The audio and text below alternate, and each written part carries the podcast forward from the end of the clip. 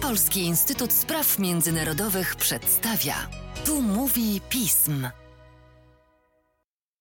Tu mówi pism. Przy mikrofonie Mateusz Józwiak, a wraz ze mną Łukasz Jasiński, analityk oraz ekspert Polskiego Instytutu Spraw Międzynarodowych do spraw Niemiec. Cześć Łukaszu, dzień dobry Państwu. Cześć Mateuszu, dzień dobry Państwu. Szanowni Państwo, spotykamy się dzisiaj w związku z bardzo nietypową sytuacją. 7 grudnia policja w Niemczech dokonała szeregu aresztowań i rozbiła tzw. Tak grupę obywateli Rzeszy, przygotowywującą zamach stanu. O owych obywatelach i zagrożenia dla niemieckiej demokracji chciałbym dzisiaj z Tobą porozmawiać i w związku z tym zacznijmy od fundamentalnej, podstawowej rzeczy. Kim są obywatele Rzeszy, jaki jest ich światopogląd, choć już mamy w samej nazwie pewną sugestię co do tego. Tak, Problem polega na tym, że obywatele Rzeszy to jest grupa bardzo niejednorodna. To nie jest jakiś jeden ruch społeczny czy polityczny, który ma konkretnego lidera czy program. No ogólnie rzecz biorąc, obywatele Rzeszy to są ludzie, którzy uważają, że trzecia Rzesza Niemiecka w dalszym ciągu istnieje. Mało tego, ona istnieje w granicach z roku 1937, czyli w granicach, które obejmują Pomorze Zachodnie, Dolny Śląsk czy Prusy Wschodnie, więc część obecnego województwa warmińsko-mazurskiego i, i pomorskiego. Jak sobie radzą z aktualnymi atlasami? No, to wskazuje na to, że dość marnie, albo uważają, że atlasy te są sfabrykowane, bo druga rzecz, która łączy te osoby, to jest fakt, iż one bardzo mocno ciążą w kierunku różnego rodzaju teorii spiskowych, których jest naprawdę bardzo dużo. Postaram się niektóre takie główne, główne przykłady tutaj za chwilkę y, podać. To wszystko się zaczęło o początkach obywateli, trzeciej, obywateli Rzeszy. Przepraszam, y, tak naprawdę niewiele wiemy, ale przyjmuje się, że osobą, która ten ruch w jakiś sposób zainaugurowała, był w latach 80.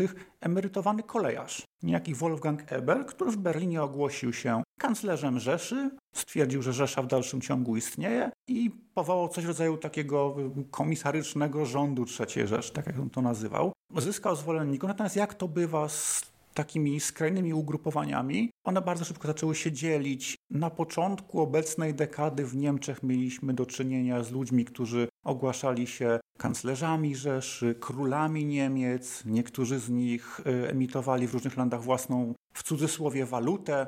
Jedna z takich walut miała bardzo ładną nazwę anielskie pieniądze, chociażby. Więc to wszystko wydawałoby się dość można powiedzieć kabaretowe, bo przecież w każdym kraju... zdecydowanie, ale no, mamy takie organizacje w każdym kraju tak, na świecie. w każdym tak. kraju są samozwańczy prezydenci, monarchowie czy, czy głowy kościołów, prawda? Natomiast problem z obywatelami III Rzeszy, czy ludźmi, którzy się utożsamiają z tym ruchem, jest taki, że oni odrzucają Republikę Federalną Niemiec z całym jej porządkiem prawnym, konstytucyjnym i tak. Co za tym idzie? Na przykład nie płacą podatków. Są bardzo często w jakiś rodzaju konflikcie z policją, z władzami lokalnymi na różnych, na różnych szczeblach. I to pociąga za sobą bardzo często po prostu radykalizację i sięganie po przemoc. Bo to, z czym mieliśmy do czynienia dzisiaj, czyli rozbicie tej konkretnej jednej grupy obywateli Rzeszy, to nie jest bynajmniej pierwszy e, akt przemocy ze strony tych, e, tych ludzi. Ja podam taki przykład bardzo głośny z roku 2016. W jednej z bawarskich miejscowości policja wkroczyła do domu jednego z obywateli Rzeszy, który posiadał broń myśliwską. Pozwolenie na broń mu cofnięto, w związku z tym policjanci chcieli ją zarekwirować, a ten człowiek po prostu otworzył do funkcjonariuszy ogień i jeden z policjantów po prostu zginął. I ta fala takiego radykalizmu, sięgania po przemoc, po takie twierdzenie, że y, skoro to Republika Federalna Niemiec mm, jest takim quasi państwem, którego my nie uznajemy, no to znaczy, że musimy z nią po prostu walczyć. Tylko dodam, że to, co jeszcze łączy obywateli Rzeszy, to jest takie stwierdzenie, iż często nazywają oni Republikę Federalną Niemiec Republiką Federalną Niemiec spółką z OO. No bo oczywiście za jej powstanie mieli rzekomo y, stać alianci, czasem do tego jeszcze dochodzi spisek Żydów, masonów. No jednak z tego, co mówisz, y, wygląda na to, że to ciężko mówić o organizacji, która jest w jakiś sposób skonsolidowana poza e, ogólnymi hasłami. No, z drugiej strony zastanawiam się nad tym, czy e, jest to organizacja monarchistyczna, odwołująca się jednak do narodowego socjalizmu, a może e, bardziej organizacja, która gdzieś działa w obszarze zmilitaryzowanym, paramilitarnym. Tak czy inaczej, tworzy nam się jedno podstawowe pytanie: czy oni są niebezpieczni? Właśnie problem z obywatelami Rzeszy polega na tym, że to nie jest jedna organizacja, jedna struktura, którą można by w jakiś sposób koordynować, e, kontrolować przez służby, czy w łatwy sposób także aresztować. To, co rzeczywiście łączy tych ludzi, to jest taki światopogląd anty-RFN, czy nieuznawanie po prostu rzeczywistości, w której się żyje. Do tego czasem oczywiście dochodzą jakieś wątki antysemickie, neonazistowskie, to zależy. Natomiast y, to, co jest niebezpieczne, to rzeczywiście po pierwsze jest taka skłonność rosnąca do sięgania po przemoc, po drugie skłonność, co wykazały dzisiejsze aresztowania, do tworzenia rzeczywiście jakiegoś rodzaju struktur paramilitarnych. Może teraz przejdźmy do tej konkretnej grupy, która dzisiaj została rozbita. No właśnie, o jakich liczbach e, mówimy, jeżeli chodzi o członków tej grupy? W zeszłym roku, według danych Urzędu Ochrony Konstytucji, całościowa grupa obywateli Rzeszy była szacowana na 21 tysięcy osób. Z tego za takich radykałów niebezpiecznych uznawano ponad tysiąc. Natomiast ta grupa, która została dzisiaj aresztowana, no stan na tę chwilę to jest 25 osób zatrzymanych. Zobaczymy, co przyniosą kolejne dni. Ale nie tylko w granicach Niemiec. Tak, także w Austrii, bodajże we, we Włoszech, więc sprawa jest, jak to, e, jak to się zwykło mówić, zapewne rozwojowa. To, co jest niebezpieczne w tej grupie, to, co było niebezpieczne w tej grupie, to fakt, że ona zaczęła tworzyć pewnego rodzaju strukturę paramilitarną. Bo tak naprawdę mamy tam do czynienia z dwoma liderami, takimi nieformalnymi przywódcami. Pierwszym z nich to jest książę Henryk XIII i nie jest to bynajmniej żaden pseudonim, to jest rzeczywiście arystokrata, arystokrata z książęcego rodu Reuss, takiego bardzo znanego niemieckiego rodu arystokratycznego. Też człowiek o bardzo osobliwych poglądach, który kilka lat temu ogłosił, że rodziny Rothschildów i masoni stoją za wybuchającymi kolejnymi kryzysami, wojnami w, w Europie itd., tak itd. Tak zresztą od jego poglądów odciął się Henryk XIV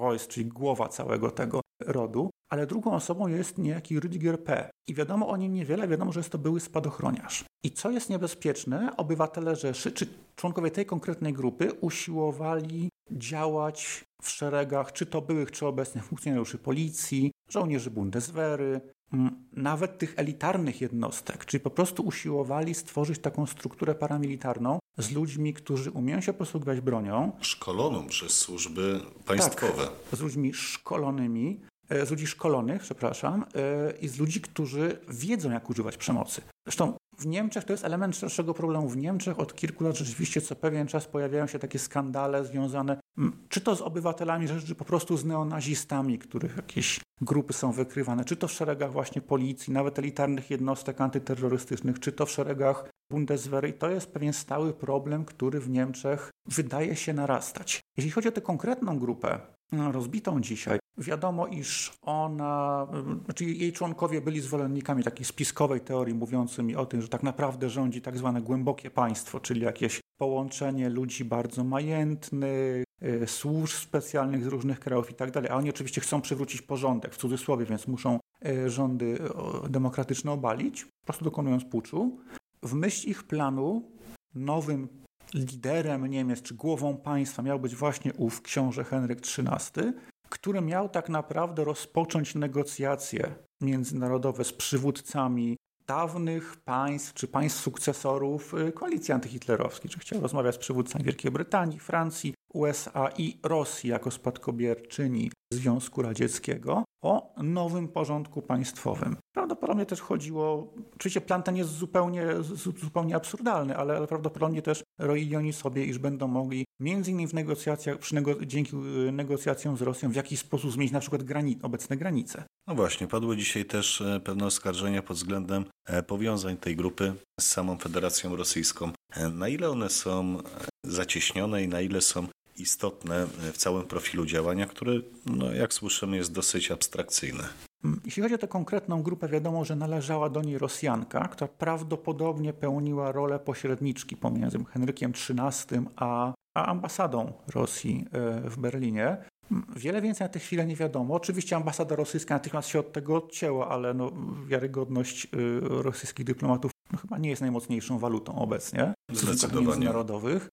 Natomiast nie ulega wątpliwości jedno, że wspieranie wszelkiego rodzaju ruchów skrajnych, destrukcyjnych, które dążą czy to do użycia przemocy, czy nawet w sferze wartości podważają istniejący porządek na Zachodzie, jest po prostu elementem rosyjskiej hybrydowej agresji wobec, czy to wobec Niemiec, czy wobec y, Zachodu. Proszę zwrócić uwagę, że dopiero w tym roku y, zostały w Niemczech y, w Niemczech zakończona działalność tele, niemieckiej sekcji telewizji Russia Today i Radia Sputnik, prawda, które były takimi no, głównymi tubami propagandowymi Kremla i podgrzewały atmosferę czy to podgrzewając nastroje antyimigranckie, fabrykując niekiedy wydarzenia, y, jakieś informacje, czy to podważając y, istnienie koronawirusa, czyli znowu rozprzestrzeniając takie teorie spiskowe, które właśnie w środowisku obywateli Rzeszy mają się znakomicie. No i jeszcze jedna rzecz, no, y, widać wyraźnie, że dla sporej części tych ludzi, e, mówię tutaj o obywatelach Rzeszy, taki model autorytarny, gdzie jest jeden twardy przywódca zamiast jakiegoś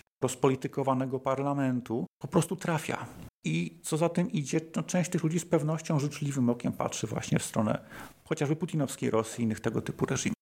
Szanowni Państwo, jak widać, nawet groteskowe organizacje w odpowiedni sposób podsycane mogą zacząć stanowić w szybszej bądź dłuższej perspektywie pewne zagrożenie, jeżeli nie dla stabilności i funkcjonowania państwa, to po prostu podważając jego wiarygodność czy destabilizując pewien konsensus społeczny, którym funkcjonujemy nie tylko jako państwa, ale też jako sojusze, jako Unia. Dlatego też Warto mieć oczy dookoła głowy, a o tym, jak będzie rozwijała się kwestia e, sprawy obywateli Rzeszy w Niemczech, a także zapewne e, podobnych organizacji, mam nadzieję, że będziemy mieli jeszcze okazję porozmawiać. Tylko mam nadzieję, że z pozytywnym dla samego RFN zakończeniu e, tej sprawy. Tymczasem dziękuję Ci bardzo za dzisiejszy podcast. Dziękuję bardzo. A Państwa zaś zachęcam do śledzenia naszej strony internetowej, czytania najnowszych biuletynów i komentarzy, śledzenia mediów społecznościowych, a z mojej strony to wszystko.